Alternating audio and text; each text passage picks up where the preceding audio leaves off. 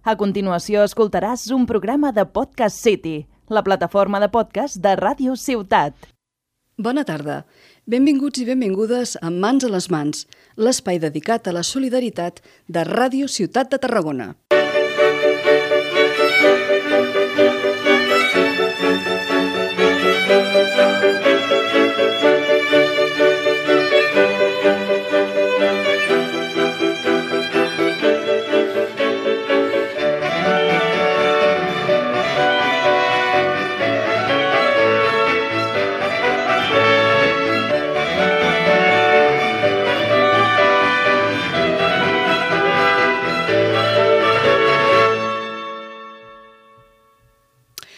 De cop i volta, com sorgit del no-res malgrat la seva envergadura, al darrere de casa meva quan era petita, de tant en tant, s'instal·lava un circ. Els artistes arribaven amb les seves cases rodants de gent nòmada, amb els seus colors llampants, amb un punt de misteri i d'estranyesa. M'encantava veure des del terrat com muntaven les seves veles, l'alegria multicolor de la seva carpa, com els envoltaven els curiosos, com la seva fira encomanava alegria, i com durant uns quants dies la tarda vespre s'omplia de llums i de música, de crides amb una funció feta d'artistes extraordinaris que en el fons se la jugaven en cada ocasió. Equilibristes, domadors, malabaristes, saltimbanquis, contorsionistes, músics, pallassos. Tots convergien en un món paral·lel al que vivíem cada dia i trobàvem que era més net i més màgic del que la canalla érem capaços d'entendre. Durant aquells dies, el poble esdevenia una mica menys gris, perquè el circ, itinerant, errant, nòmada, era aquí.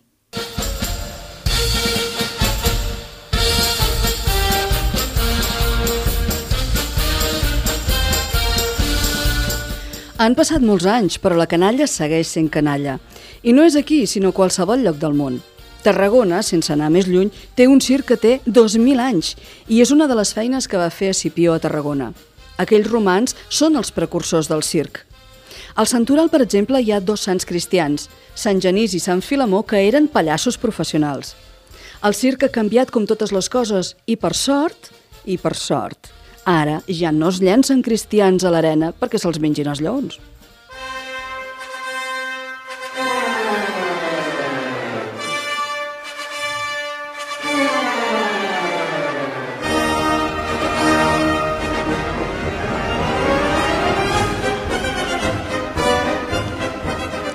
Hi ha un moment meravellós del circ, l'any 1774, quan Philip Ashley, inventor del circ modern, i els seus homes acabaven la guerra dels cent anys i es quedaven sense feina.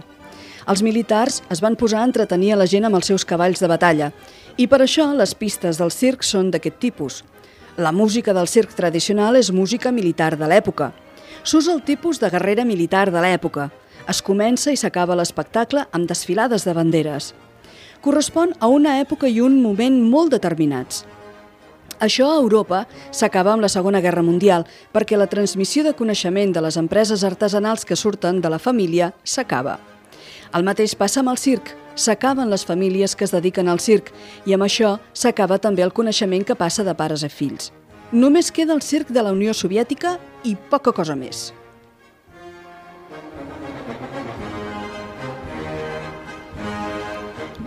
Durant els anys del franquisme, el circ va quedar completament fora de lloc. El circ va marxar durant la Guerra Civil i la nova entrada del circ va venir d'Itàlia. Eren circs que fan aquest tipus de circ clàssic de tota la vida.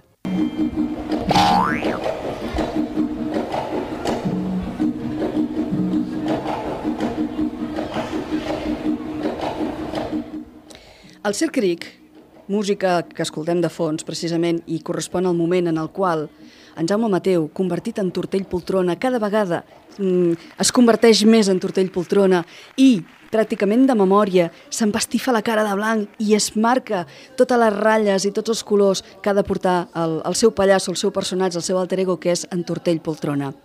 Doncs bé, el Circ Cric neix a Catalunya a mitjans dels anys 70 i s'ha d'inventar el circ de Bellnou.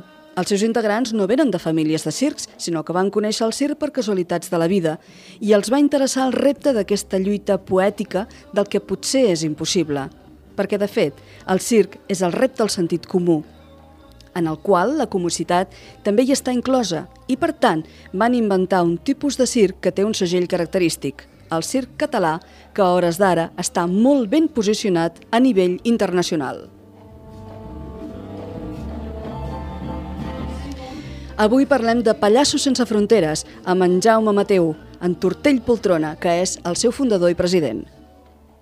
Avui parlem de Pallassos sense fronteres. En Jaume Mateu, Tortell Poltrona, és el seu fundador. Jaume, molt bona tarda. Bona tarda, tinguin. Estic molt contenta, Tortell, de que estiguis avui a la ràdio, que estiguis en el nostre programa, en el nostre espai, per parlar de Pallassos sense fronteres. I t'agraeixo moltíssim que hagis atès la, la nostra trucada, la meva petició, perquè puguis entrar a mans a les mans. Mans a les mans, anem-hi. Mans a les mans, sí. Jaume, avui parlem de Pallassos sense fronteres. Tu que n'ets el fundador i, i n'ets el, el seu promotor, el seu, el seu uh, president, uh, explica'ns una mica què és Pallassos sense fronteres, a la teva manera, des de la teva òptica. Bueno, fa... El febrer farà, el dia 26 de febrer, farà 27 anys que vam fer una primera actuació mm -hmm. en un camp de refugiats a la península d'Ístria, que això és molt a prop de la frontera d'Itàlia, de Trieste, uh -huh. i això va ser arrel de que va haver uns nens d'una escola de Barcelona, de l'escola Projecte, que mantenien una correspondència telemàtica en aquells moments, el que seria uh, l'internet però analògic, mm. i mantenien una correspondència amb uns nanos d'un camp de refugiats on hi havia anat a petar un mestre que havia marxat per fer una prestació social substitutòria insumisa, és a dir, li tocava fer com la mil, li havia fer una prestació social i se n'havia anat allà. Molt bé. Arrel d'aquest contacte amb aquesta escola, l'escola aquesta d'aquí de Barcelona, em va demanar a mi a veure si podia fer un espectacle i m'ho va demanar el dia 25 de desembre, el dia de Nadal, que jo estava a casa dels meus pares, i em van trucar i em van proposar que hi anés, que tenien els cèntims per pagar el viatge, bueno, eh, m'ho van posar tan, tan fàcil que els hi vaig proposar de sortir de Barcelona el dia 23 de febrer.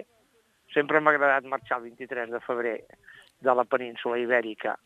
I me'n vaig anar allà i vaig fer un espectacle. I de cop i volta vam veure que canviava doncs, una mica tot. Allà va començar una crida doncs, a tots els grups que es dedicaven al teatre familiar, tant de titelles com de pallassos, com gent de circ, com gent de dansa, inclús. Mm -hmm. I el primer any vam fer vuit viatges en allà, primer eh, sense saber massa bé què és el que estàvem fent, i, però veiem que els resultats eren impressionants, o sigui que ara sabem que uh, uh, hi ha una cosa que és la resiliència, que és la capacitat dels nens per poder vèncer els traumes que els genera la violència o els desastres, no? tots mm -hmm. aquests traumes bèsties, Clar. i amb això vam començar doncs, a caminar. El primer any ja vam fer vuit expedicions des d'aquí de, de la península ibèrica, el següent any ja vam aconseguir que els francesos s'hi ajuntessin. I a hores d'ara, doncs, home, som 15 seccions distribuïdes arrel del món que ens dediquem doncs, a, a exportar espectacles en els camps de refugiats, de gent que està amb una mà davant i una altra darrere, sempre eh, per causes bèl·liques o desastres naturals, i sempre en contacte amb una, amb una tercera organització implementada sobre el terreny que ens ajuda doncs, a fer la gira, no? Uh -huh. En quants països esteu actuant ara en aquest moment? Les vostres expedicions, perquè clar, sou una colla de una colla d'artistes de, de, de circ i, clar, sí. no aneu tots alhora, sinó que aneu distribuint-vos. No. En quants països esteu actuant ara en aquest moment? Bueno, nosaltres, la, la, la, la secció hispànica, sí.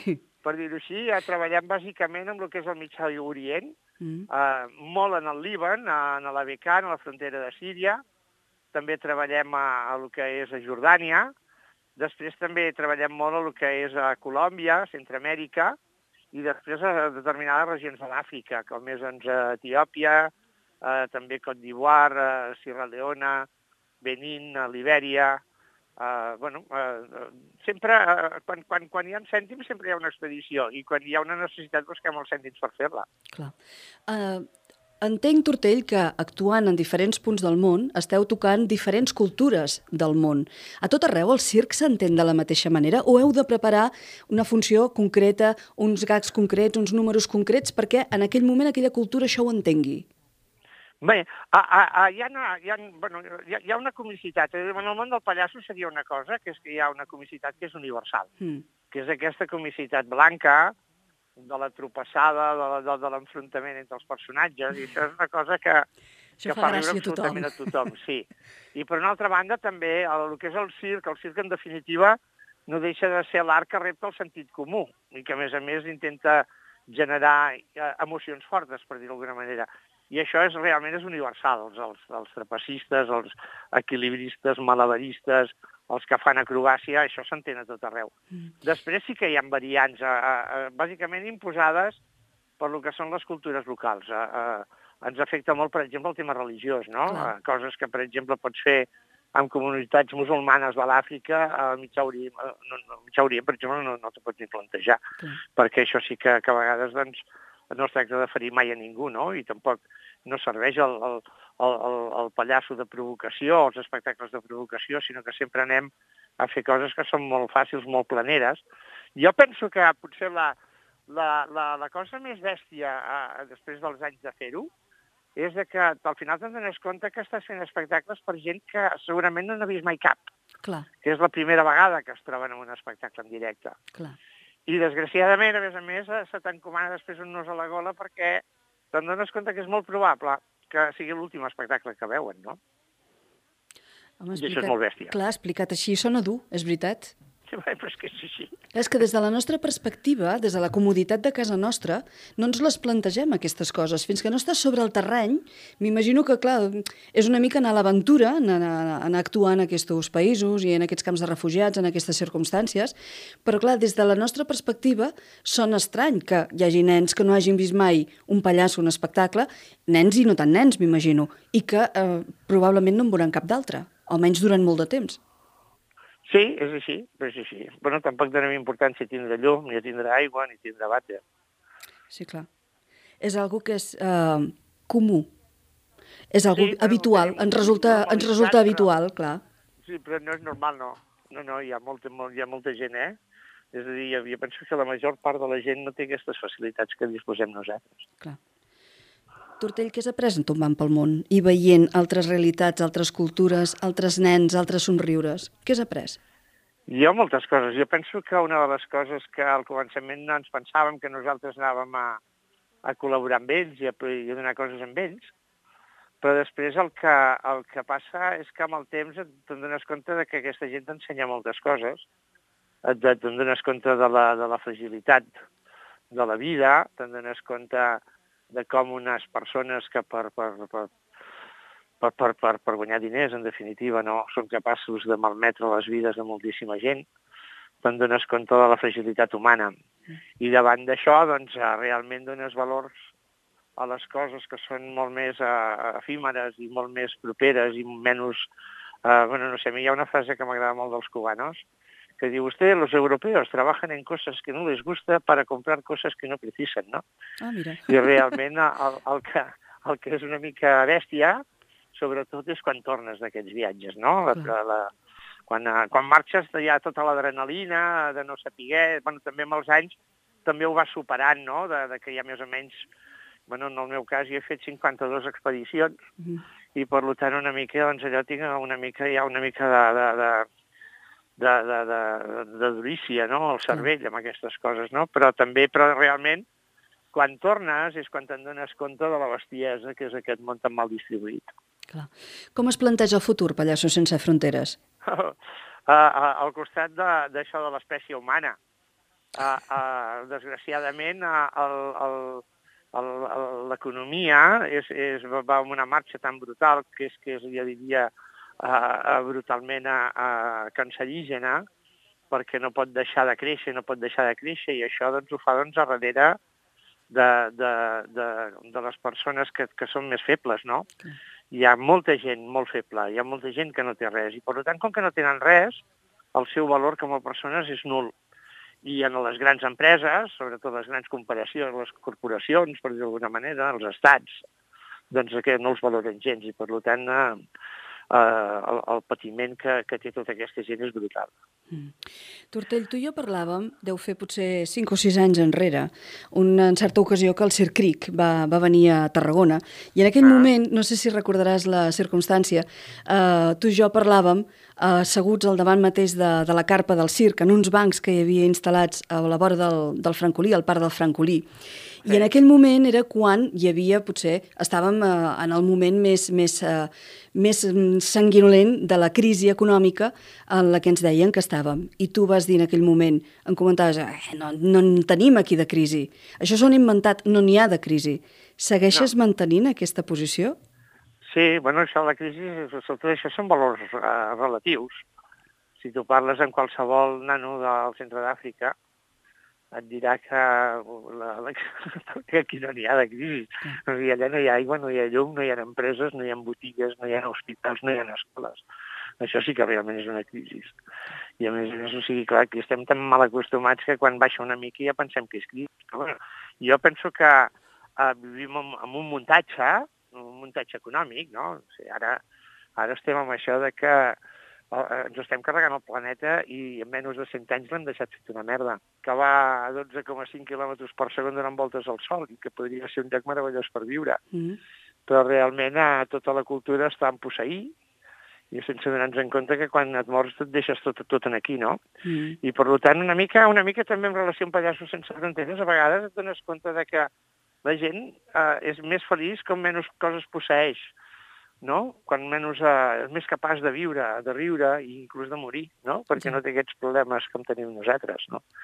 I, bueno, sap greu, però, bueno, és, això és així, no n'hi no, no, no ha un altre. I els que, els, que, els que venen a darrere ho patiran. Uh, Tortell, quina és l'experiència, aquella que no pots oblidar, aquella que no oblidaràs mentre visquis, d'alguna cosa que hagis vist, d'alguna cosa que hagis viscut en aquestes expedicions que has fet? En tinc moltes, eh?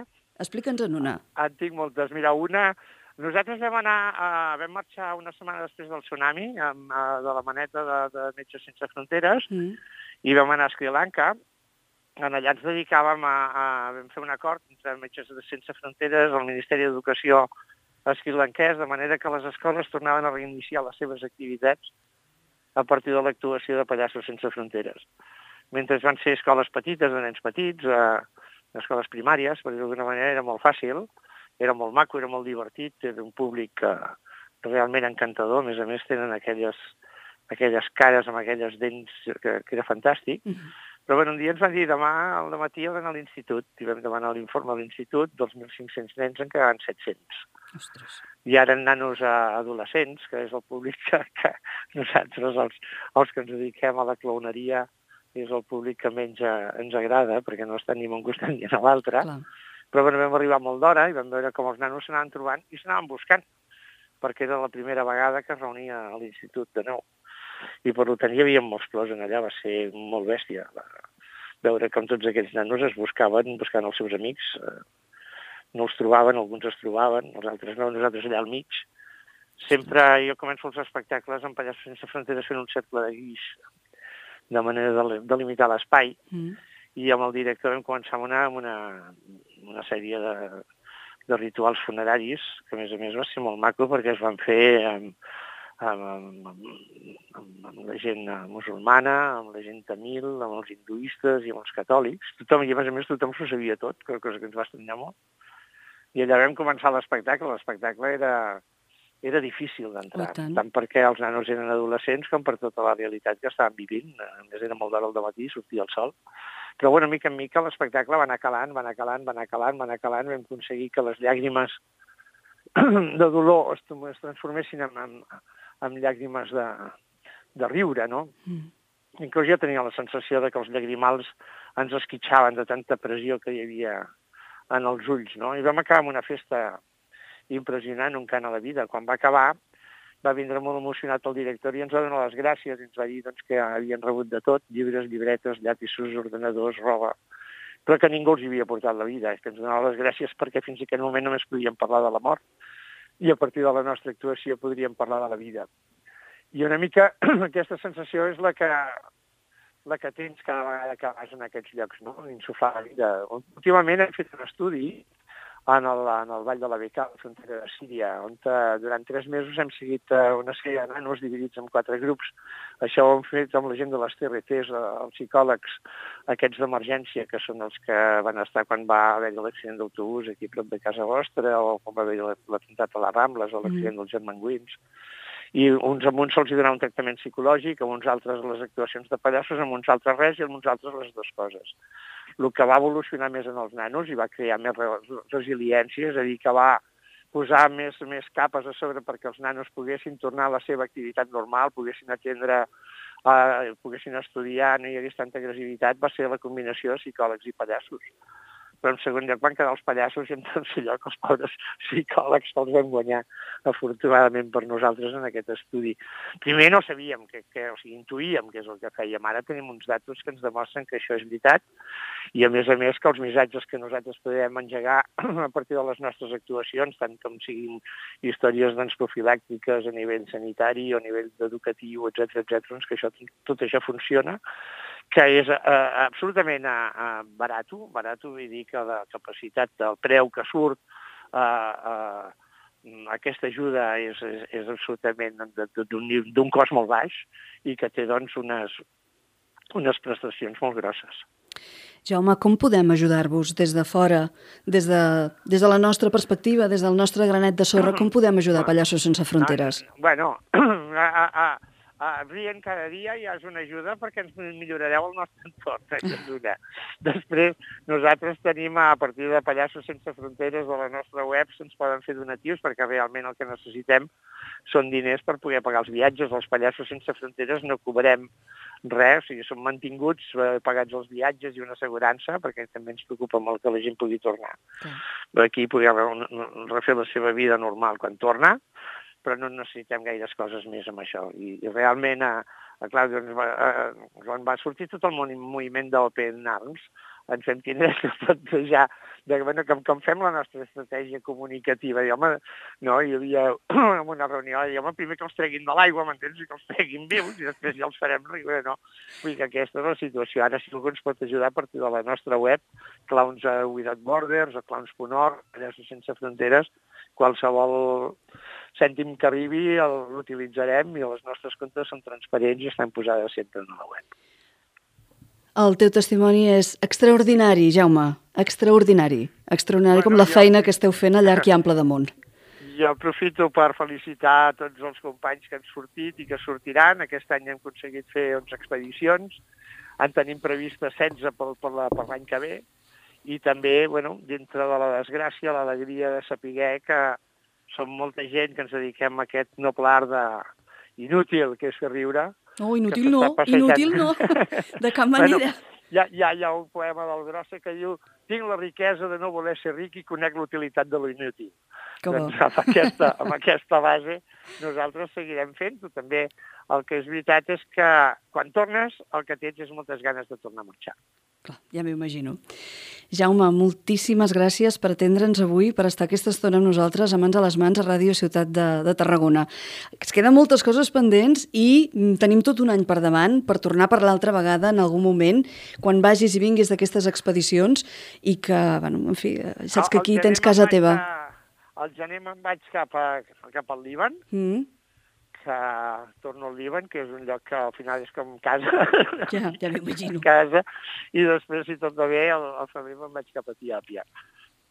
Doncs en algun moment, en algun moment de l'any, hauríem de tornar per l'altra vegada. Queden moltes coses Vinga. al tinter. Moltíssimes doncs gràcies, Jaume. Jaume Tortell. Moltíssimes gràcies. Una abraçada ben forta. El meu somni lent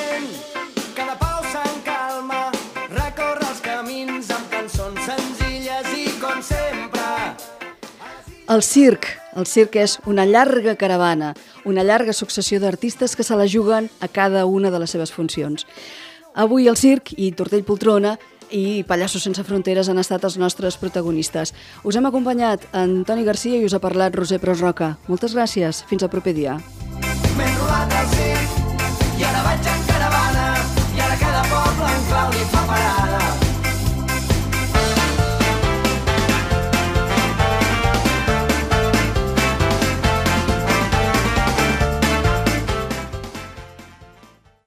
Has escoltat un programa de Podcast City, la plataforma de podcast de Ràdio Ciutat.